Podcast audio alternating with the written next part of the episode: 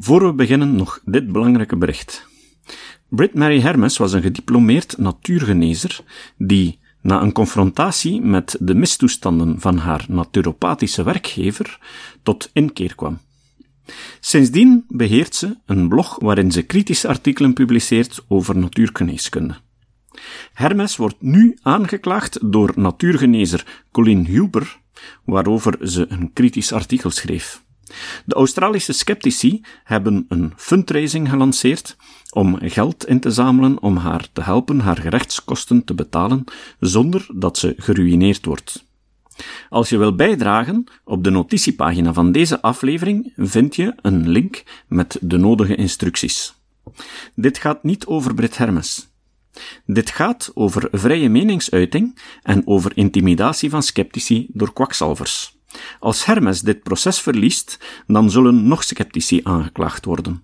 Als ze wint, dan is dit een belangrijk signaal dat je sceptici moet bekampen met wetenschappelijke argumenten en niet met rechtszaken. Als de rechtszaak doorgaat, wint ze bijna zeker. Maar als ze niet de noodzakelijke fondsen heeft, zal ze het moeten opgeven en winnen de kwakzalvers. Goeiedag, het is vandaag zondag 28 januari 2018. Ik ben Jozef van Giel en dit is de 341ste aflevering van deze podcast. Dit is het derde deel van de reeks over psychologie in de industrie. In de vorige aflevering hebben we een bloemlezing gegeven van de vele pseudowetenschappelijke praktijken die in de HR-wereld gebruikt worden en gebaseerd zijn op de psychoanalyse. Mocht je geïnteresseerd zijn om nog wat meer te weten te komen over de problemen met de psychoanalyse, dan raad ik je aan om te luisteren naar het filosofie-eindwerk van Maarten Boudry, De naakte keizers van de psychoanalyse, de immunisatiestrategieën van een pseudowetenschap, dat ik enkele jaren geleden heb ingesproken. Je kan dit luisterboek terugvinden op onze website onder de menu Extras luisterboeken. Vandaag horen jullie nog meer populaire praktijken. Deze keer zijn ze niet op de psychoanalyse gebaseerd, maar dikwijls op een verkeerd begrepen theorie of soms zelfs gewoon helemaal uit de duim gezogen. Dus, ook vandaag geldt de verwittiging van de vorige keer. Deze aflevering gaat over pseudowetenschap. Het belang van evidence-based management, deel 3. De piramide van Maslow is heel populair en wordt te pas en te onpas in presentaties gebruikt. Ik heb het zelfs al zien opduiken in opleidingen voor projectmanagement en veiligheid. Het is echter niet onderbouwd. Erger nog, Maslow was een, voor zijn tijd, ernstige wetenschapper. Maar hij heeft de piramide, zoals ze wordt gepresenteerd, nooit bedoeld als een wetenschappelijk model. Het was alleen bedoeld als een illustratie van het soort concepten waarnaar hij op zoek was. Evidence-based HRM zegt het volgende. Abraham Maslow lanceerde in 1943 zijn idee dat behoeften een bepaalde hiërarchie hebben. Zo zouden eerst fysiologische behoeften, zoals voedsel, water, moeten voldaan zijn om te kunnen overschakelen naar hogere behoeften met als summum de behoefte aan zelfrealisatie. Zich volledig kunnen ontplooien als productief creatief persoon. Dit is wat Maslow zei mijn motivatietheorie is twintig jaar geleden gepubliceerd en gedurende heel die tijd heeft niemand het getest, proberen te herhalen, geanalyseerd of zelfs maar bekritiseerd. Ze gebruiken het. Ze slikken het gewoon, praktisch zonder wijzigingen. Volgens de piramide van Maslow is het dus zo dat als je honger of geen huis hebt, je niet bezig bent met veiligheid en zekerheid. Zolang je geen veiligheid hebt, heb je geen behoefte aan sociaal contact. Pas daarna streef je naar erkenning en waardering. Zelfrealisatie komt tenslotte pas als aan alle andere behoeften voldaan is. Er is echter geen enkel bewijs dat de behoeften een hiërarchie hebben. Maslow's hypothesen waren gebaseerd op het gedrag van apen in een onnatuurlijke omgeving. Als je armere landen bezoekt, dan stel je vast dat de mensen die nog volop bezig zijn met hun basisbehoeften dikwijls ook erg creatief omgaan met kunst en een intens sociaal leven hebben. Omgekeerd stel je vast dat mensen als Trump, die alles al hebben, zich dikwijls verlagen tot het nastreven van een aantal basisbehoeften. Zoals we in een latere aflevering zullen zien, is de wetenschappelijke consensus wel dat motivatie bestaat uit het vervullen van behoeften, maar er is geen hiërarchie in deze behoeften.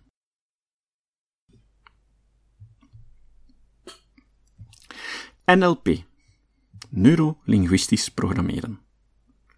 NLP laat je geloven dat je je eigen persoonlijkheid volledig kan veranderen en die van anderen manipuleren.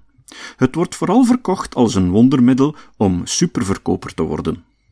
Het welbekende Het woordenboek van de scepticus van Robert T. Carroll, dat door onze vriend Herman Boel vertaald werd in het Nederlands, zegt het volgende over NLP. NLP begon in het midden van de jaren 70 door een taalkundige, Grinder, en een wiskundige, Bandler, die zich sterk interesseerden voor a succesvolle mensen, b. psychologie, c. taal en d. het programmeren van computers.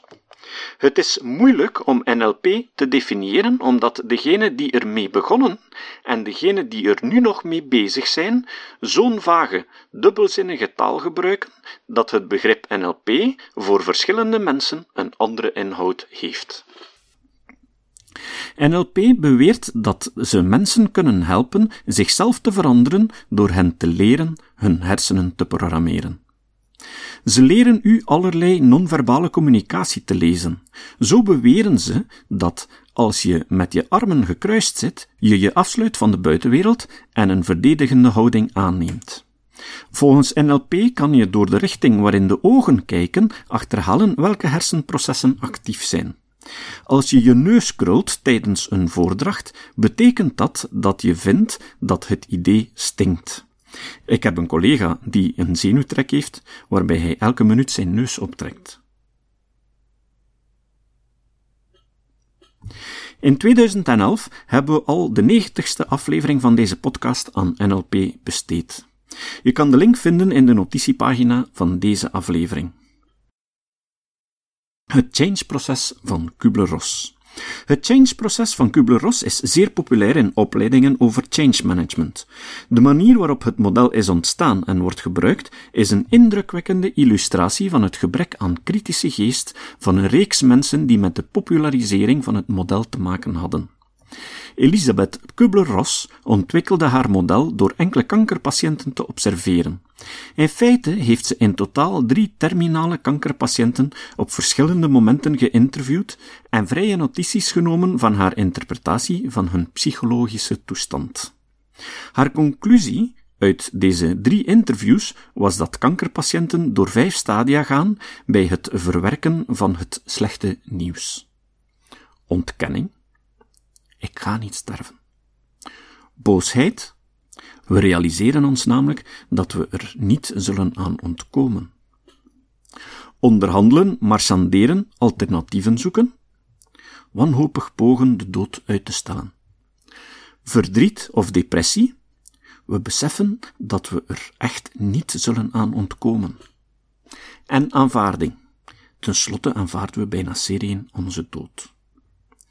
Er is dus helemaal geen nauwkeurig systematisch onderzoek gedaan om tot deze theorievorming te komen. Geen RTC, longitudinaal of zelfs nog maar geen goed uitgewerkte vragenlijst. Haar onderzoekspopulatie was niet representatief, want het aantal onderzochte patiënten was veel te klein. Drie. Bovendien heeft Kubler-Ross haar claims teruggetrokken. Maar het kwaad was al geschied want het idee was ondertussen al populair geworden in de HR-wereld en bracht te veel consultinggeld op om het opnieuw af te voeren. Het was een meme geworden met een hoge vetheid. Mensen vertelden dat model graag door.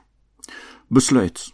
Een slecht uitgevoerd onderzoek dat bedoeld was om het verwerkingsproces bij terminale kankerpatiënten te beschrijven, wordt nu door Hager goeroes gebruikt om de vijf stappen van een veranderproces in een bedrijf te beschrijven. In werkelijkheid vertonen mensen die een veranderproces in een bedrijf ondergaan deze stappen helemaal niet.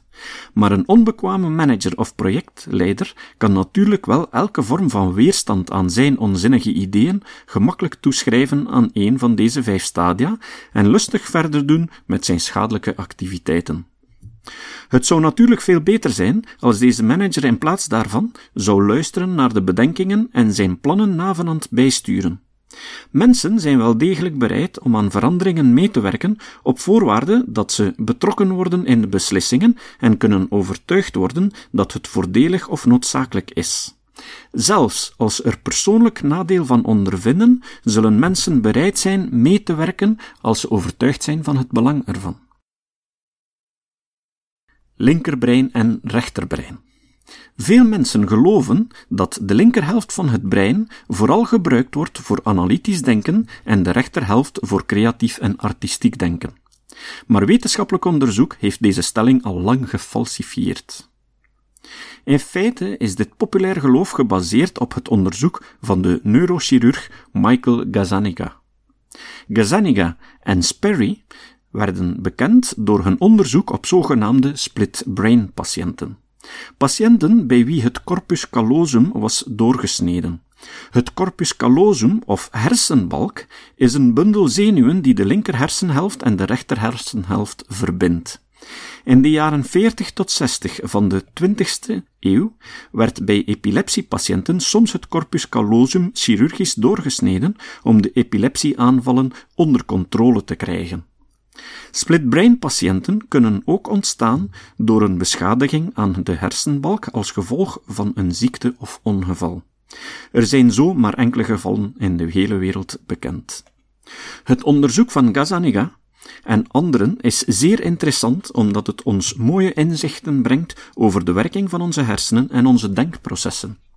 Zo stellen deze onderzoekers vast dat bij zo'n splitsing de persoon plots twee persoonlijkheden verkrijgt, en het is alsof er twee verschillende personen in hetzelfde lichaam wonen. Dit lijkt me een van die inzichten die aantonen dat de ziel, of het zelfbewustzijn, een product is van de hersenen. Tenzij God natuurlijk na de operatie nog snel een extra ziel in het lichaam blaast. Op de vraag waarom God zoiets dan wel zou doen, is het antwoord natuurlijk altijd: De wegen van God zijn ondoorgrondelijk. Een ander experiment toonde mooi aan hoe mensen rationaliseren. Dat betekent achteraf naar argumenten zoeken waarom ze een specifieke handeling of uitspraak deden om het te verantwoorden. We weten onder andere door dit onderzoek dat de linker hersenhelft de rechterhelft van het lichaam controleert en omgekeerd. Een uitzondering hierop is het zicht. Het is niet zo dat het beeld van het linkeroog door de rechter hersenhelft wordt verwerkt en het rechteroog door de linker hersenhelft. In dat geval wordt het linkerdeel van het beeld, dus rechterdeel van het linkeroog en rechterdeel van het rechteroog, want de beelden liggen ondersteboven, door de rechterhersenhelft verwerkt en omgekeerd. We weten ook dat de linker hersenhelft de spraak controleert. Sperry en Gazzaniga lieten aan split-breinpatiënten beelden zien. Toen bleek dat de patiënten alleen maar beschreven wat ze in het rechterdeel van het beeld zagen.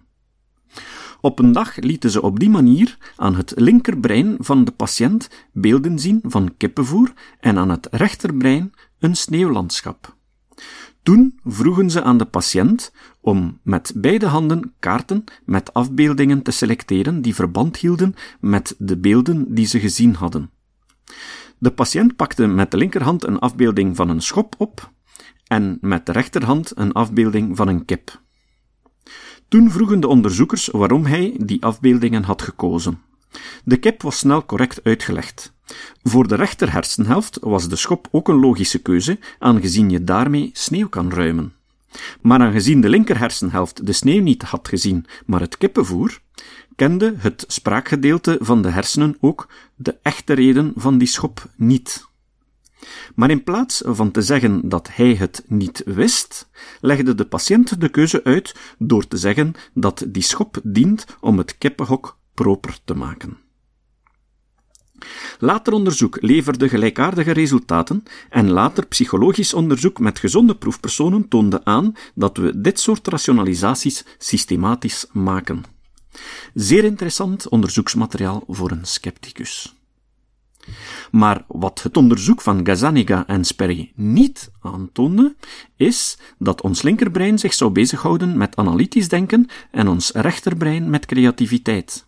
Gazzaniga is door verschillende podcasts geïnterviewd, onder andere in aflevering 82 van Brain Science door neurowetenschapper Ginger Campbell en ook in de Smart People podcast. Telkens komt zijn ergernis naar boven hoe zijn onderzoek wordt misbruikt om commerciële redenen. In deze laatste podcast zei Gazzaniga: Er zijn mensen die meer creatieve neigingen hebben. Dat is waar. Er zijn andere mensen die gelukkig worden wanneer je hen een tabel met getallen geeft. Dat is waar. Maar beide processen vereisen communicatie tussen beide hersenhelften.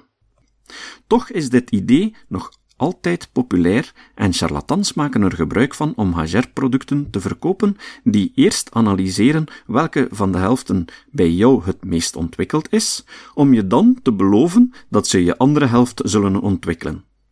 Wees sceptisch over dergelijke praktijken. Ik erger me vooral aan dat soort praktijken, omdat men de neiging heeft om mensen in te delen in linkerbrein of rechterbreinmensen, waarbij men de indruk geeft dat je ofwel creatief bent, ofwel analytisch. Als ingenieur kan ik daar echt kwaad over worden, omdat ik stevast bij de niet-creatieve mensen word geclasseerd, terwijl het wel een zeer creatief beroep is. In aflevering 119 van deze podcast hebben we gesproken over waar creativiteit echt vandaan komt. Onthoud dus. Als iemand je een training of coaching komt verkopen en hij refereert naar linker en rechter brein onzin, stuur hem dan maar wandelen, want dat betekent dat hij zijn materie niet kent. Dat was het lijstje voor vandaag. Volgende keer zal ik voor de laatste keer pseudowetenschappelijke praktijken bespreken en daarna beginnen we met het echt interessante deel. Van welke theorieën is wel bewezen dat ze werken? Het citaat. Het citaat van vandaag komt van Armin Navabi. Navabi is de voorzitter van die Atheist Republic. Navabi zei: Hoe meer weerstand er is tegen het bekritiseren van een idee, hoe meer het nodig is om het te bekritiseren. Tot de volgende keer. Het stopt nooit.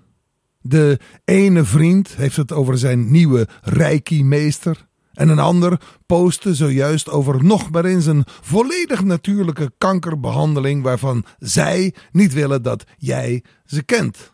Als sceptici steken we veel tijd in pogingen om de mensen om ons heen tegen deze en andere vormen van kwakzalverij te beschermen. Maar er bestaat een manier om miljoenen te bereiken. Guerrilla Skepticism op Wikipedia is een groep die eraan werkt om de beste sceptische informatie in alle talen binnen handbereik te houden. De training is leuk, verloopt aan je eigen tempo en we hebben onze eigen supergeheime Facebookgroep. Je gaat de wereld al slapende opvoeden.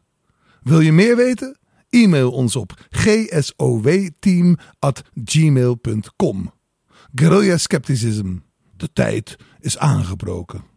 Deze podcast is het resultaat van het werk van veel mensen. Rick de Laat verbetert bijna al mijn teksten en maakt de meeste vertalingen. Emiel Dingemans verzorgt onze website en Facebookpagina.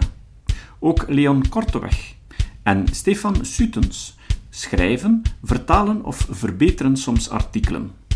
Leon onderhoudt bovendien het YouTube-kanaal van deze podcast. De muziek van de intro en de trailer heeft Nick Lucassen geschreven en soms maken we ook gebruik van muziek van Ad van Nederpelt, die ons zijn prachtige composities ter beschikking stelt. Dit was de podcast Kritisch Denken. Vergeet niet om alles kritisch te behandelen, ook deze podcast. Voor verdere informatie over deze podcast, links en voor de tekst, surf naar www.kritischdenken.info. Als je deze podcast belangrijk vindt, kun je me steunen door anderen warm te maken ook eens te luisteren. Stuur een e-mail naar vrienden met een link naar de website en plaats de link in de handtekening van je e-mails. Tevens kun je op iTunes deze podcast een beoordeling geven of een recensie schrijven. Of je kan op je eigen website of blog een link naar kritisch denken plaatsen.